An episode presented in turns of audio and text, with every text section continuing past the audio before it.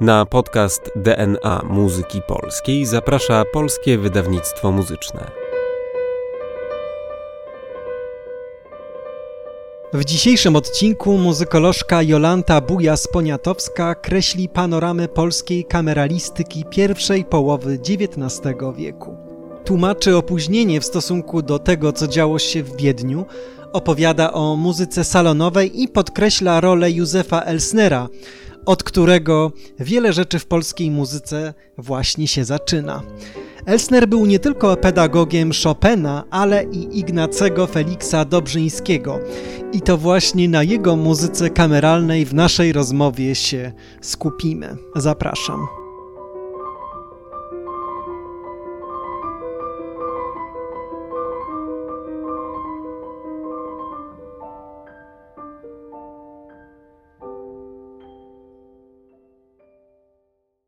Moim i Państwa gościem jest Jolanta Bujas-Poniatowska, muzykolożka, doktorantka w Instytucie Muzykologii Uniwersytetu Jagiellońskiego. Dzień dobry. Dzień dobry. Rozmawiamy o muzyce kameralnej w XIX wieku w Polsce. Właściwie okazuje się, że ta muzyka dopiero rozwijała się u nas w porównaniu z tym, co było w innych częściach Europy. Tak, dokładnie. Tę kameralistykę kojarzymy często z Wiedniem, bardzo słusznie, e, gdzie druga połowa XVIII wieku to jest bardzo, bardzo intensywny rozwój tych gatunków e, należących do szeroko rozumianej muzyki kameralnej. Natomiast w Polsce mieliśmy trochę opóźniony start, oczywiście też związany z e, kontekstem społecznym, z tym, co się działo w samym kraju. Pierwsze duety tria to lata 70., 80., nawet 90. XVIII wieku. I tutaj się zazwyczaj e, wymienia Bazylego Bogdanowicza, e, Jana Baptystę Kleczyńskiego, Feliksa Janiewicza, znanego skrzypka, którzy rzeczywiście te pierwsze utwory w tych gatunkach pisali. Natomiast y, Bogdanowicz czy Kleczyński to byli y, muzycy, kompozytorzy działający tak naprawdę w Wiedniu. Więc y, oczywiście polskie pochodzenie, ale, ale mm, to centrum muzyczne, które ich kształtowało, to jednak, jednak Austria, jednak Wiedeń. Z kolei Janiewicz, kompozytor i przede wszystkim wybitny skrzypek, który działał w Polsce, zaczął pisać muzykę kameralną, jak mieszkał już w Anglii. Więc także to nie było tak, że, że on w samej Warszawie tę muzykę kameralną pisał. W związku z tym, tak naprawdę, jakieś większe zainteresowanie muzyką kameralną to jest dopiero początek XIX wieku, późno. Ale jak się zaczęło, to zaczęło się już tak dość dojrzale. E, jak się pojawiły pierwsze kwartety, wypierając dość szybko te duety i tria, takie gatunki, które może nie dają e, dużo pola do, do popisu kompozytorowi, e, to były to już właściwie utwory dojrzałe, klasyczne. Nie było tego 30-letniego opóźnienia w stosunku do muzyki wiedeńskiej, tylko, tylko była to już rzeczywiście muzyka dojrzale klasyczna. Natomiast tutaj od razu y, również można powiedzieć, że, że skąd to się wzięło? Z Wiednia się wzięło. Elsner zaczął pisać kwartety po swoim krótkim pobycie w Wiedniu. Inni pierwsi kompozytorzy zazwyczaj też te kontakty mieli. Z tym, że to było jakby naturalne, ten, zwłaszcza Wiedeń, a, ale też inne ośrodki austriackie, niemieckie, to były takie miejsca, do których się jeździło, żeby się uczyć, więc to zapewne z tego też wynikało. Pierwsi kompozytorzy, których należałoby tutaj może wymienić, to przede wszystkim oczywiście Elsner, już wspomniany. E, Elsner, od którego dużo rzeczy się w Polsce zaczyna, jak rozmawiamy o, o muzyce e, początków XIX wieku. Sam e, Elsner napisał oprócz kwartetów też tria, kwintety, sonaty i też septet, to taki może mniej typowy skład instrumentalny. E, septet, który jest takim utworem właśnie dojrzałym, klasycznym, zresztą mm, już późnym, jednym z późniejszych e, utworów tego kompozytora, ale wciąż rzeczywiście klasycznym i tkwiącym tej estetyce. Inni kompozytorzy, których można byłoby tutaj e, wspomnieć, to znowu wirtuozi skrzypiec, August Durandowski, Janusz Iliński, który podobno napisał osiem kwartetów wydanych w Petersburgu, też Karol Lipiński, z tym, że Karol Lipiński, zasadniczo postać bardzo znana przecież i, i ważna dla muzyki polskiej, to autor głównie e, takich utworów po prostu skrzypcowych z akompaniamentem fortepianowych, takich utworów, które skupiają się na tej wirtuozerii skrzypcowej, które opierają się na bardzo takiej harmonii podstawowej, funkcyjnej, na, na takiej klasycznej formie. Bo nie o to w nich chodziło, żeby rozwijać warsztat kompozytorski, tylko o to, żeby rzeczywiście napisać sobie samemu coś, e, co, co potem będzie wykonywane i coś, co pozwoli mu się popisać jako skrzypkowi. Bardzo ważna postać e, dla tych początków muzyki kameralnej w Polsce to też Franciszek Lesel, oczywiście. Franciszek Lesel, który był bardzo silnie związany z tymi terenami niepolskimi, czyli przede wszystkim Wiedniem, przecież uczeń Haydna. I to widać nawet w samym spisie jego, jego utworów, ponieważ on na przykład pisał partity, czyli harmonię muzyk, taką muzykę bardzo e, charakterystyczną dla terenów austriackich, muzykę kameralną na instrumenty dęte. Ale oprócz tego Lesel też pisał e, kwartety, Dość długo myśleliśmy, że żaden z nich się nie zachował. Ostatecznie jeden jest, e, jest nawet nagrany i to jest taki bardzo dobry utwór porządnie napisany, z świetną strukturą, bardzo dobrze poprowadzona instrumentacja, jak zazwyczaj zresztą u Lesla, który był naprawdę, naprawdę świetnym kompozytorem. Oprócz tego Lesel też y, napisał trio fortepianowe, które znamy. E, i, i kwintet, z tym, że ten kwintet akurat e, jest zaginiony, więc, więc trudno nam powiedzieć, jak on, jak on brzmiał. Kolejna postać e, ważna dla tych początków to Joachim Kaczkowski. To też był wirtuos skrzypiec. To był też autor duetów, bardzo takich klasycznych, podstawowych kwartetów wydawanych y, w Lipsku, ale też cyklów polonezów. Te, y, te cykle polonezów, y, generalnie polonezy, no to przecież jest ogromny fenomen muzyki polskiej XVIII i, i pierwszej połowy XIX wieku. I to też był kompozytor, który długo przebywał w Niemczech i w Austrii, więc ten taki schemat jest rzeczywiście tutaj dość klarowny. Mm, co możemy opowiedzieć o tej mm, kameralistyce początku XIX wieku, zwłaszcza? To że to jednak najczęściej e, była muzyka wirtuozów, wirtuozów, którzy pisali na swój instrument e, z towarzyszeniem fortepianu albo z towarzyszeniem właśnie dwóch innych instrumentów, żeby jakoś tak zapełnić tę, e, tę fakturę, żeby ten ich instrument mógł być lepiej wyeksponowany. I co też się jakby wiązało z faktem, że z orkiestrą na, na terenach Polski był ciągły problem i, i niekoniecznie dało się E, z nią jakiekolwiek e, utwory wirtuozowskie wykonywać, a nawet gdyby się dało, no to przecież ta kameralistyka była pisana w dużej mierze na wieczory muzyczne w prywatnych domach. To była muzyka wykonywana w salonach dla małej publiczności, dla znajomych, e, dla, dla ludzi, którzy chcieli z tą muzyką tak obcować na co dzień.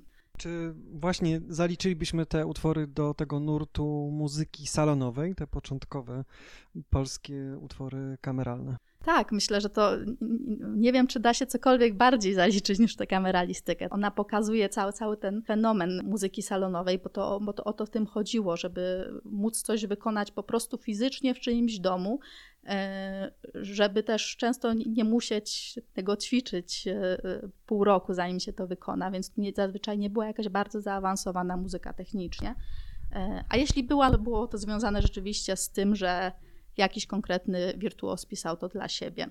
Tutaj najczęściej e, mówi się o tym, że, że e, taki kolejny etap, tak bym to powiedziała, e, następuje w momencie, kiedy Józef Elsner wykształci sobie następców, spadkobierców jego muzycznej szkoły. W ten sposób dochodzimy do postaci Ignacego Feliksa Dobrzyńskiego. Tak, Dobrzyński rzeczywiście był uczniem Elsnera. Był jednym z najlepszych prawdopodobnie uczniów Elsnera. Sam Elsner nazwał go zdolnością niepospolitą, co często się e, wspomina.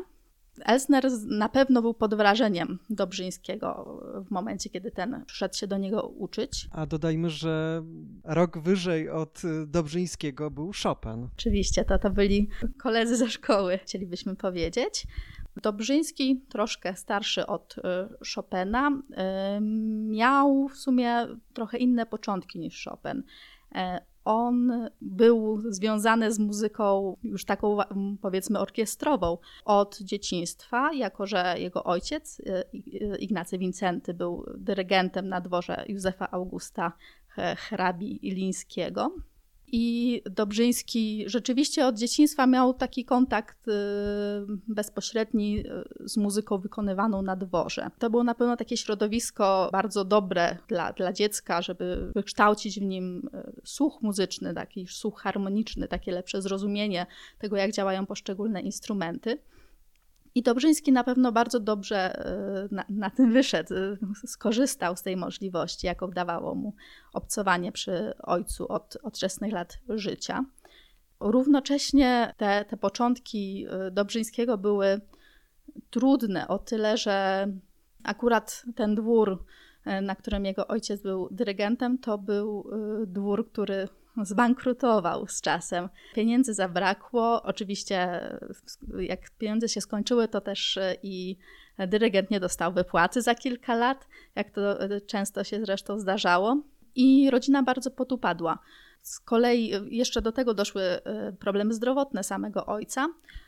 I też Dobrzyński, mimo że zakochany w tej muzyce na pewno od dzieciństwa, nie chciał muzykiem zostać, jako że, jako że widział, e, jakie są te realia życia w trudnym zawodzie.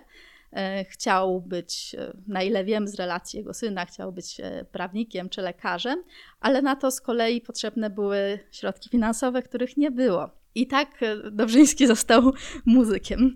Trochę wyboista droga. Tak wylądował w Warszawie u swojej rodziny i udało mu się pod te skrzydła Elsnera dostać. Co ciekawe, w momencie, kiedy, kiedy on się z Elsnerem poznawał, to już zaprezentował mu dzieła napisane na orkiestrę co, co na pewno właśnie duże wrażenie na samym Elsnerze zrobiło, bo chociażby Chopin takich e, dzieł jeszcze w tym czasie nie miał, a Dobrzyński napisał, no pewnie też właśnie napisał z myślą o, o, Elsnerze, z myślą o tym, żeby się w szkole jakoś zaprezentować dobrze.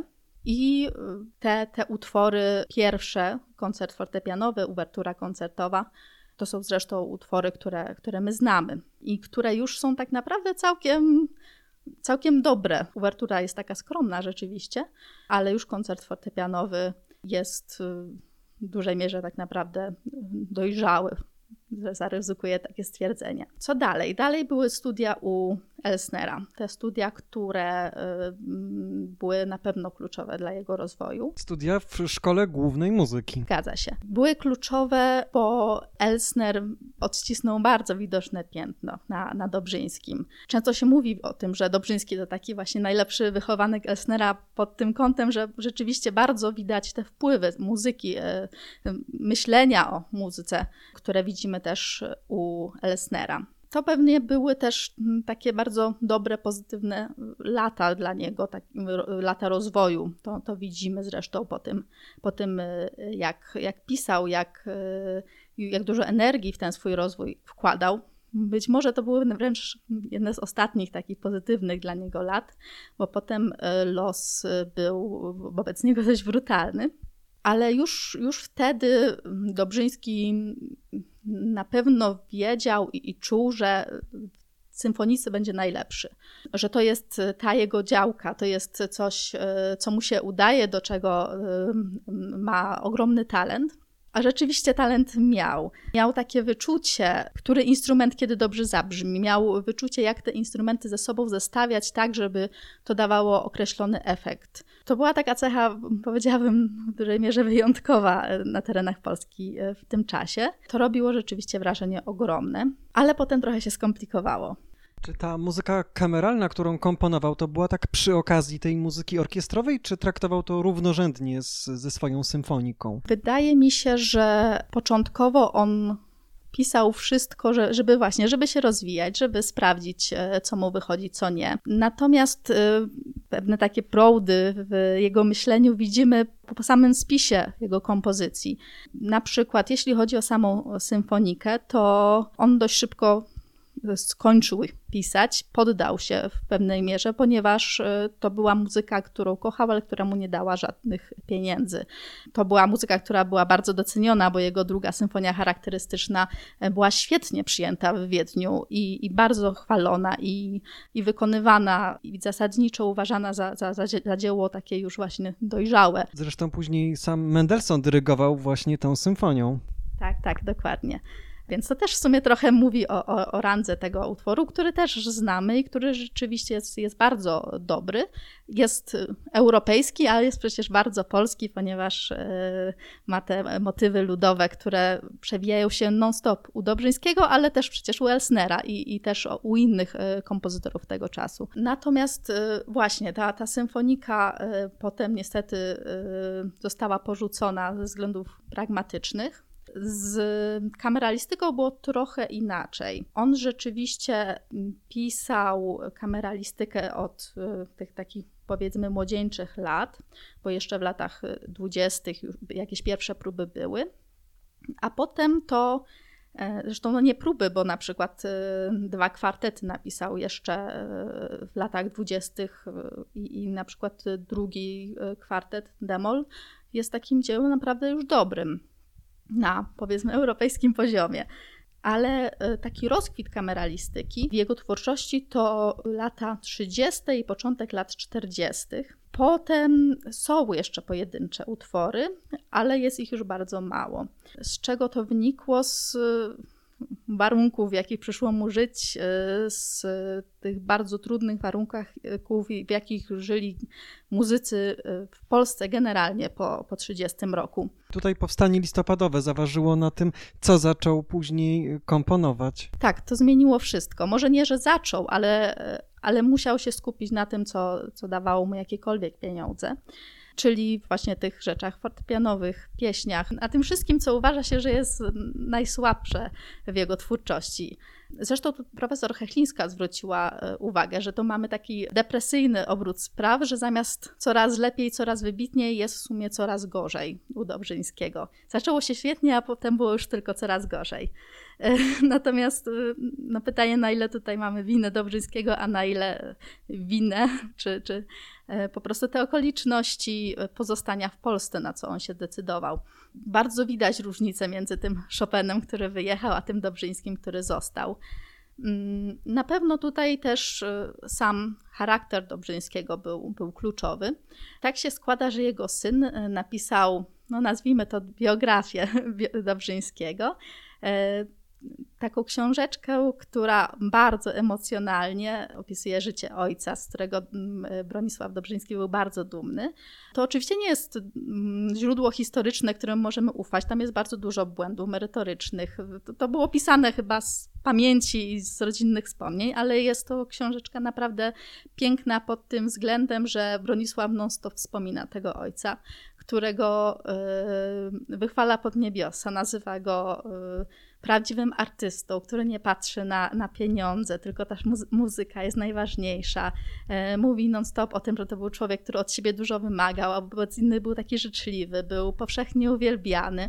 Równocześnie w opisie tych lat młodzieńczych czasami się tak przewija, może nawet drugoplanowo, że, że to był artysta też pod tym względem, że, że właśnie bardzo lubił towarzystwo, że, e, że lubił się zabawić. Więc taka bardzo sympatyczna ta postać Dobrzyńskiego nam się, nam się pojawia z tych obrazów Bronisława Dobrzyńskiego. Ale co chciałam powiedzieć, to że te warunki były trudne właściwie jeszcze przed powstaniem e, listopadowym. Zachowało się też, e, zresztą Bronisław cytuje w swojej książce, on bardzo chyba skrupulatnie gromadził, czy może cała rodzina gromadziła wycinki prasowe i, i wszelkie takie wspomnienia związane z e, ojcem ale jeszcze w 1830 roku, na, na początku, czyli przed powstaniem, Ignacy Felix Dobrzyński opublikował w Gazecie Warszawskiej taki y, bardzo żartobliwy list o tym, że że właśnie był koncert i tam y, byli jacyś niezadowoleni panowie, ale była też pani, która była zachwycona jakąś wymyśloną na prędce przez niego y, piosenką i prosiła go, żeby tę piosenkę spisał i opublikował. To był w ogóle wstęp do zaproszenia do wzięcia udziału w prenumeracie, która zresztą ostatecznie e, nie wyszła.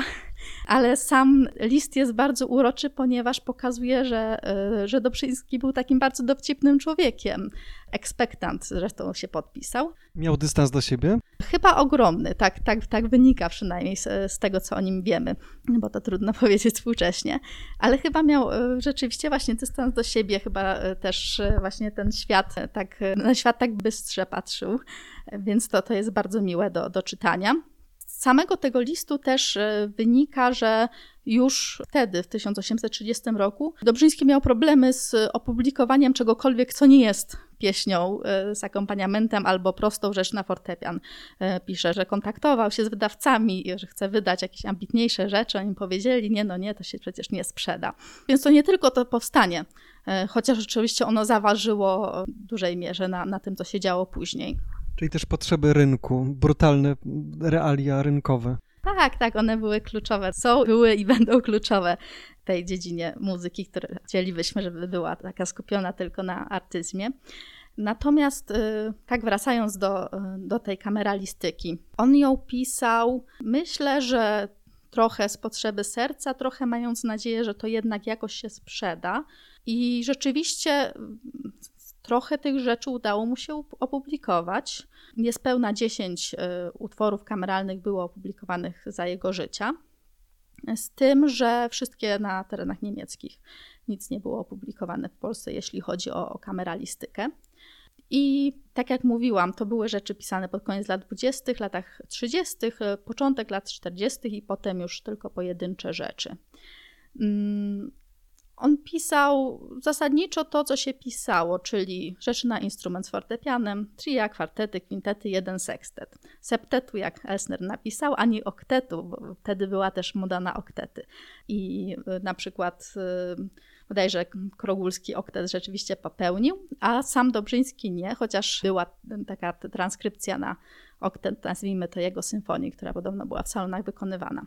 Drugiej symfonii tego jego takiego ukochanego dziecka, do, do, którego też jeszcze myślę wrócę, bo, bo to też jest poniekąd związane z twórczością kameralną. Te utwory kameralne były z jednej strony bardzo w polskości osadzone. Przypominam, on, on pozostał w kraju właściwie na, przez całe życie, z, miał taką jedną główną podróż E, do Poznania i po, po Niemczech połowie lat 40., ale tak to zasadniczo działał w Polsce i, i w niej tworzył i, i w niej starał się pracować. To był świadomy wybór? Tak, zasadniczo, zasadniczo chyba tak, chociaż to trudno osądzać teraz.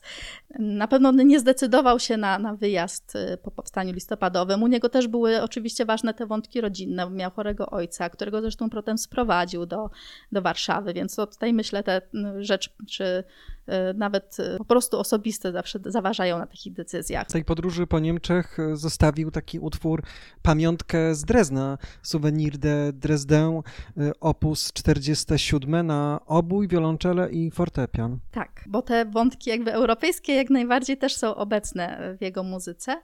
On też napisał trio dedykowane Humblowi. Napisał też kwartet God Save the King więc y, tutaj te kontakty powiedzmy z muzyką europejską z jego strony jak najbardziej e, były. Natomiast y, było też bardzo dużo takich, y, e, takiego wplatania motywów ludowych, motywów polskich do, do jego muzyki. Powiedzmy właśnie, co to były za kompozycje, te z melodiami wykorzystujące polskie melodie ludowe i nie tylko ludowe. Chociażby y, mamy y, introdukcję i wariacje na temat 3 y, maj tak zwane, czyli Witaj Majowa Jutrzenko, napisane zresztą bezpośrednio po powstaniu listopadowym, co nam też bardzo dużo mówi o tym, co on myślał. Zresztą to był czas, kiedy się bardzo intensywnie te, te rzeczy polskie działy w Królestwie Polskim, takie często już podziemne, bo, bo bardzo zaostrzył się rygor, jeśli chodzi o cenzurę. W muzyce polskiej to obsada nie taka wcale częsta na flet i fortepian. Nie taka częsta, natomiast on generalnie się nie bał różnych instrumentów. No znowu wracamy do tego wychowania z orkiestrą i tego, że on tę orkiestrę kochał i, i tę różnorodność brzmienia kochał. E, bo co tu jeszcze mamy? Mamy e, oprócz tych e, wariacji trzeci maj na flet, mamy też duo concerto na klarnet przecież. No mamy rzeczy na skrzypce, on na skrzypcach też grał, głównie grał na fortepianie, ale na skrzypcach też grał, zresztą jego ojciec był skrzypkiem więc ten instrument jakby czuł bardzo dobrze. Mamy jakieś rzeczy na wiolonczelę. Tak jak ty mówiłeś, ta pamiątka z Drezna, no to przecież obój wiolonczela fortepian, e, to też taka ciekawa e, obsada. E, no mamy niezachowaną romancę, w której był obój, kwintet i, i, i kontrabas. Mamy też pierwszy kwintet smyczkowy F-dur, w którym wykorzystał melodię Mazurka Dąbrowskiego. Tak. I jeszcze do tego mamy sekstet, w którym e, mamy w elegii e, ten słynny polonez e, kościuszkowski. I akurat jeśli chodzi o tę elegię sekstetu, bo sam sekstet, jedno z tych takich późniejszych dzieł z 1841 roku prawdopodobnie, to może nie jest jego najwybitniejsze dzieło. A propos sekstetu, to jesteś autorką edycji źródłowo-krytycznej tego właśnie utworu, który został wydany. Tak, aktualnie pod redakcją profesora Hechlińskiej są wydawane dzieła wszystkie e, Dobrzyńskiego, natomiast to tak e, oczywiście stopniowo będzie następować i, i póki co dopiero pierwsze tomy z e, tej serii mamy dostępne. Tym też sekstet, utwór, który myślę był ważny dla Dobrzyńskiego, Myślę, że był przez niego lubiany, ponieważ w tej e, wspomnianej już e, podróży do, do Niemiec także sekstet był wśród utworów wykonywanych, a na tym na pewno bardzo zależało Dobrzyńskiemu, żeby się dobrze zaprezentować w Niemczech, ponieważ on tam wydawał utwory i tam też chyba miał nadzieję najwięcej zarabiać. Sekstet e, no, może być trochę rozczarowujący, ponieważ jak na 41 rok mniej więcej to to nie jest jakieś bardzo progresywne y, dzieło. To jest raczej taki porządny, dobrze napisany utwór, ale jego trzecią częścią jest y, właśnie ta elegia. Elegia, która po pierwsze sama jest naprawdę ciekawa. I, I, pamiętam, jak ją pierwszy raz usłyszałam, to pomyślałam y, o preludialista. Oczywiście preludialista są, są takie bardziej, powiedzmy, zaawansowane stylistycznie, no i przede wszystkim też na inne obsadę, więc to zupełnie inny efekt robi, ale takie skojarzenie pierwsze miałam. Preludia były później niż, niż y, Elegia, więc to nie żadnej inspiracji oczywiście nie było. Natomiast y, co istotne, podczas tej podróży po Niemczech była wykonywana też druga symfonia, charakterystyczna, konkursowa, no pewnie najważniejsze dzieło w, w życiu Dobrzyńskiego. I te już ponad 10 lat po jej pierwszym zaprezentowaniu była trochę mniej entuzjastycznie odebrana. Pamiętajmy, że ten y, meloman niemiecki to, to był ktoś, kto był muzyką bardzo na bieżąco. I może być tak, że wtedy ta, ta druga symfonia już y, takiego wrażenia y, jak na świeżo nie robiła. E, chociaż oczywiście miała pozytywne recenzje, to y, wtedy też stwierdzono, że właśnie Andante to można byłoby czymś innym zastąpić, czymś, co by bardziej pasowało.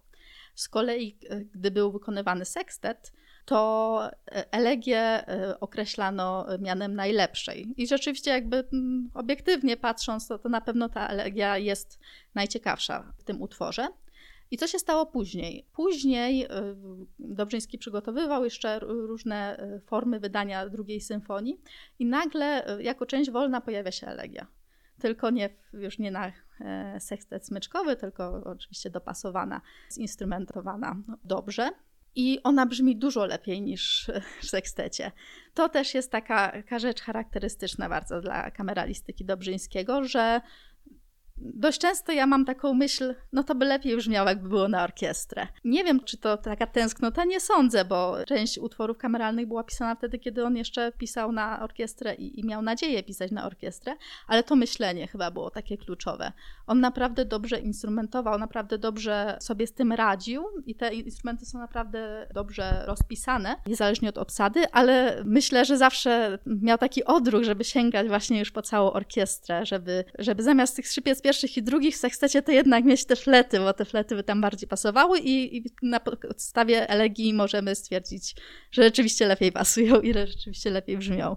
Można powiedzieć, że po prostu ta muzyka orkiestrowa to taki jego konik w twórczości. Wspomniałaś e, lista, z listem miał okazję się poznać i razem z nim również grać. Tak, on generalnie miał tych kontaktów tak naprawdę bardzo dużo i to od y, dość wczesnych lat, ponieważ on też był związany z y, salonem Joanny z Orłowskiej na Imskiej, w którym podobno byli wszyscy. Więc jakby te kontakty europejskie były, mimo że on mieszkał w Polsce, to, y, to jak najbardziej kontakt z, z największymi, a, a przynajmniej z najbardziej znanymi miał. A propos znanych nazwisk, powiedziałaś też o utworze, który dedykował Humlowi.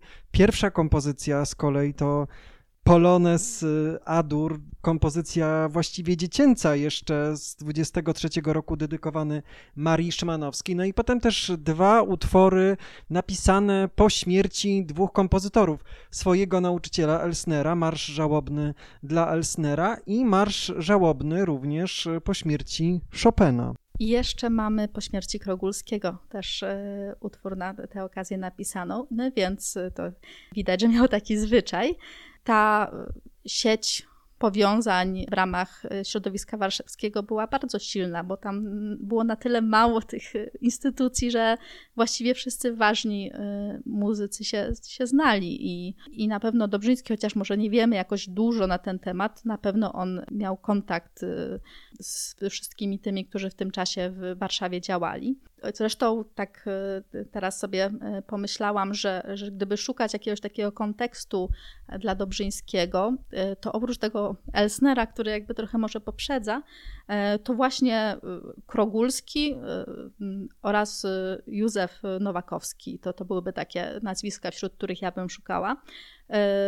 Tak jak wspomniałam, Józef Krogulski w czasie, kiedy Dobrzyński pisał te swoje najlepsze dzieła, w tym czasie Józef Krogulski napisał oktet fortepianowy, który jest naprawdę bardzo przyjemnym e, utworem, bardzo go polecam, żeby sobie wysłuchać. Natomiast ten oktet fortepianowy e, jest ciekawy o tyle, że jak się go e, słucha, to, to ja mam takie wrażenie, że o, zapomniany koncert fortepianowy Chopina. Bo to jest ta, ta, ta, ta stylistyka tego czasu w Polsce. To jest e, naprawdę widoczne, że oni wszyscy e, razem się uczyli, że oni mieli te same postawy, mimo że różne zainteresowania, że, że oni się wszyscy inspirowali podobnymi, czy nawet tymi samymi utworami. Z kolei Józef Nowakowski to taka postać, która miała E, koleje losu w sumie w dużej mierze zbliżone do, e, do Dobrzyńskiego. Zresztą też e, żył w bardzo podobnym czasie i podobne rzeczy pisał.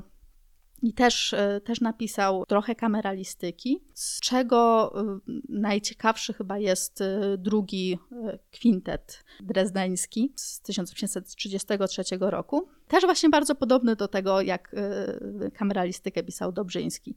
Więc to też myślę, też jest myślę dobry kontekst. To też jest ta szkoła Elsnera oczywiście. A jeszcze wracając do Dobrzyńskiego i jego kameralistyki, to ona, ona na pewno była bardzo dobra, Natomiast można takie pewne mm, cechy zauważyć, też często właśnie związane z tym, jak pisał i jak uczył Elsner, że trochę brakuje takiej odwagi, zwłaszcza harmonicznej, że to jest wszystko y, takie uporządkowane, chciałoby się powiedzieć. W dużej mierze właśnie klasyczne, chociaż y, mamy też ten drugi kwintet, który chyba też już się pojawił w naszej rozmowie, który jest już y, taki bardzo rozwinięty dramatycznie, z taką emocjonalnością bardziej romantyczną niż klasyczną, z takimi zwrotami dynamicznymi, no i przede wszystkim z tą instrumentacją naprawdę no, no świetną Dobrzyńskiego. Oprócz tego, że ta muzyka raczej jest, tak jak mówisz, zachowawcza, co jeszcze możemy powiedzieć tak ogólnie o utworach kameralnych Dobrzyńskiego? Te cykliczne y, utwory kameralne to są y, zazwyczaj utwory czteroczęściowe, czyli standardowo. Z allegrem sonatowym, z menuetem czy skercem y, w drugiej części, z trzecią częścią wolną, często na przykład stylizowaną, bo chociażby w sekstecie mamy fugato. Dalej mamy często brak kontrastu tematycznego, to można jakoś uważać za wadę. Natomiast y, taką bardzo dobrą już pracę tematyczną, kulminację napięcia pod koniec przetworzenia, w repryzie raczej takie standardowe postępowanie bez rzeczy, które by nas zaskoczyły. Najlepsza jest zawsze instrumentacja i to jest niezmienne u Dobrzyńskiego. Co, nie chcę powiedzieć najgorsze, ale co widać, i to też jest wpływ Elsnera, to raczej skłonność do, takiego, do takich krótkich myśli muzycznych, opartych na nie bardzo skomplikowanych zwrotach harmonicznych. Te tematy często są prowadzone w piano, na przykład y, przez różne instrumenty. Znowu instrumentacja na pierwszym planie, ale właśnie nie w sposób jakiś bardzo charakterystyczny, i rzeczywiście e, Dobrzyński nie miał e, w sobie tego, co miał chociażby e, Lessel, czyli te, tego daru do pisania rzeczy, które się potem nuci tygodniami. Ja nad sekstetem pracowałam dwa lata i wciąż mam problem, żeby zanucić główne tematy. Oczywiście to, to nie musi być wada i, i, pewnie są też ludzie, którzy potem nucą tego Dobrzyńskiego, ale to nie jest tak, że, o, że to jest wyróżniającego cecha. Nie, to raczej nie było w centrum jego zainteresowań, bardziej chodziło mu na tej formie niż niż, na tym, żeby pisać takie wpadające w ucho melodie i może to też jest przyczyną tego, że tę twórczość pieśniową czy fortepianową uznajemy za słabszą. Ale z drugiej strony mamy tyle tych polskich tematów, że te polskie tematy, czy, czy tematy z folkloru, no to je przecież można nucić, bo je znamy. Rekompensują trochę brak tych jego własnych, własnej inwencji melodycznej. Tak, chociaż właśnie to nie jest tak, że, że nie wiem, że on pisał jeden temat i potem go w, w kółko mielił. Nie, nie, jak, jak najbardziej e, sprawnie sobie z tym radził, no ale to nie jest wybitne, to nie jest, to nie jest jak u Lesla chociażby. Dobrzyński jest e, ciekawy również jako człowiek, nie tylko jako kompozytor za sprawą swoich listów, które zachowały się do naszych czasów. Tak, to znaczy te, te listy znamy y, też dzięki temu, że, tak jak już wspominałam, Bronisław Dobrzyński, syn, napisał takie wspomnienie po ojcu, i w tych wspomnieniach y, właśnie są, są przepisane listy co w nich czytamy. Czytamy w nich e, takie serdeczne e, słowa, że przebacz mi, że ja do ciebie nie piszę, ale ja wszystko opisałem już mamie i nie wiem, co bym jeszcze miał opisać, ale, ale mam nadzieję, że właśnie dobrze się sprawujesz. I do syna pisze, ty mi wypominasz, że ja do ciebie nie piszę, a sam bazgrzysz jak kura pazurem. Więc ta, ta, ta żartobliwość, ten, ten e, dystans do świata był, myślę, tutaj taki charakterystyczny nie tylko na początku, no ale te listy, no to właśnie połowa lat 40., więc widać, zachował Tę, tę żartobliwość sobie dość długo. No i przywiązanie do rodziny. Tak, ogromne. I to po pierwsze do dzieci. Oczywiście nie mamy takich e, świadectw naocznych tego, na ile był przywiązany do dzieci, ale możemy podejrzewać, że skoro syn aż, aż taką mi miłością, serdecznością, entuzjazmem pisze o ojcu, no to raczej tego ojca musi naprawdę dobrze wspominać, bo inaczej myślę nie zmusiłby się do napisania samych pozytywnych słów, a, a dosłownie w tej, tej książeczce nie ma chyba jednego złego słowa o, o Dobrzyńskim. Ale to przywiązanie też do rodziny się myślę objawiało właśnie w tym, że on tak dbał o swoich rodziców, zwłaszcza tego ojca, no, który mu e, zapewnił początek życia z muzyką e, i on tego, tym ojcem się opiekował, za niego pracował najpierw jeszcze przed, przed studiami Welsnera, potem mimo że sam miał ogromne problemy finansowe, jako że przynajmniej tak czytamy w tej książeczce, to jako, że, że dla niego muzyka była ważniejsza niż zarobki. I mimo to y, wspierał ojca w każdy możliwy sposób, potem e, sprowadził go do siebie, opiekował się do, aż do śmierci. Y, więc y, tak, na pewno to był bardzo rodzinny człowiek, to, to nie ulega wątpliwości. Jak odbierane były utwory kameralne Dobrzyńskiego Polsce, ale nie tylko? Bardzo pozytywnie, mimo że on może nie zarabiał na tym jakoś dużo, to w Polsce się je wykonywało za życia, też po śmierci. Oczywiście on je w dużej mierze też wykonywał, czy, czy inicjował wykonanie, ale, ale mamy też y, chociażby zmianki prasowe o tym, że, że jakieś wykonania miały miejsce y, bez udziału samego kompozytora. I y, też y, na przykład w jednej zmiance prasowej znalazłam e, największy komplement, jaki można usłyszeć o, o kompozytorze muzyki kameralnej tego czasu, czyli no prawie jak Onslow. E, Onslow, który był bardzo popularny i uważany za generalnie boga muzyki kameralnej. Nie tylko w Polsce były takie pozytywne opinie, ale też za granicą, jako że w trakcie tej podróży po Niemczech na bieżąco pojawiały się bardzo liczne relacje. To jest bardzo ciekawe do śledzenia. I na przykład wiemy, że pierwszy kwintet był piękny i trudny. Wiemy, że drugi kwartet był pełny dobrego smaku. Sekstet też był chwalony, jak już wspominałam zwłaszcza e, ze względu na te elegie, chociaż menuet też się podobał, mimo że ten menuet akurat bardzo zachowawczy jest. Też no oczywiście stylizowany, to też z tego wynika. Czyli kompozytor z dobrym warsztatem, kompozytor piszący jak należy, świetnie znający instrumentację, kompozytor, który stworzył takie podwaliny dla tych kolejnych w XIX wieku i później na, w Polsce i na ziemiach polskich. Zdecydowanie taki kompozytor, którego nie musimy się wstydzić i którego już się coraz więcej wykonuje e, różne utwory, e, więc jakby jest już czego posłuchać. Ja polecam, bardzo polecam drugi kwintet, e, polecam kwartety, polecam też sekstet oczywiście i polecam też bardzo te wariacje trzeciomajowe, mimo że to może nie jest jakiś wysoki artystycznie utwór, to to bardzo przyjemny do słuchania i, i też dobrze skomponowany. W takim razie polecamy słuchanie i wykonywanie tych utworów. Pamiętajmy o Dobrzyńskim, odkrywajmy go dalej. Bardzo dziękuję za rozmowę. Dziękuję bardzo. Wydawcą podcastu DNA Muzyki Polskiej jest Polskie Wydawnictwo Muzyczne. Zapraszamy na kolejne odcinki oraz do śledzenia naszych mediów społecznościowych.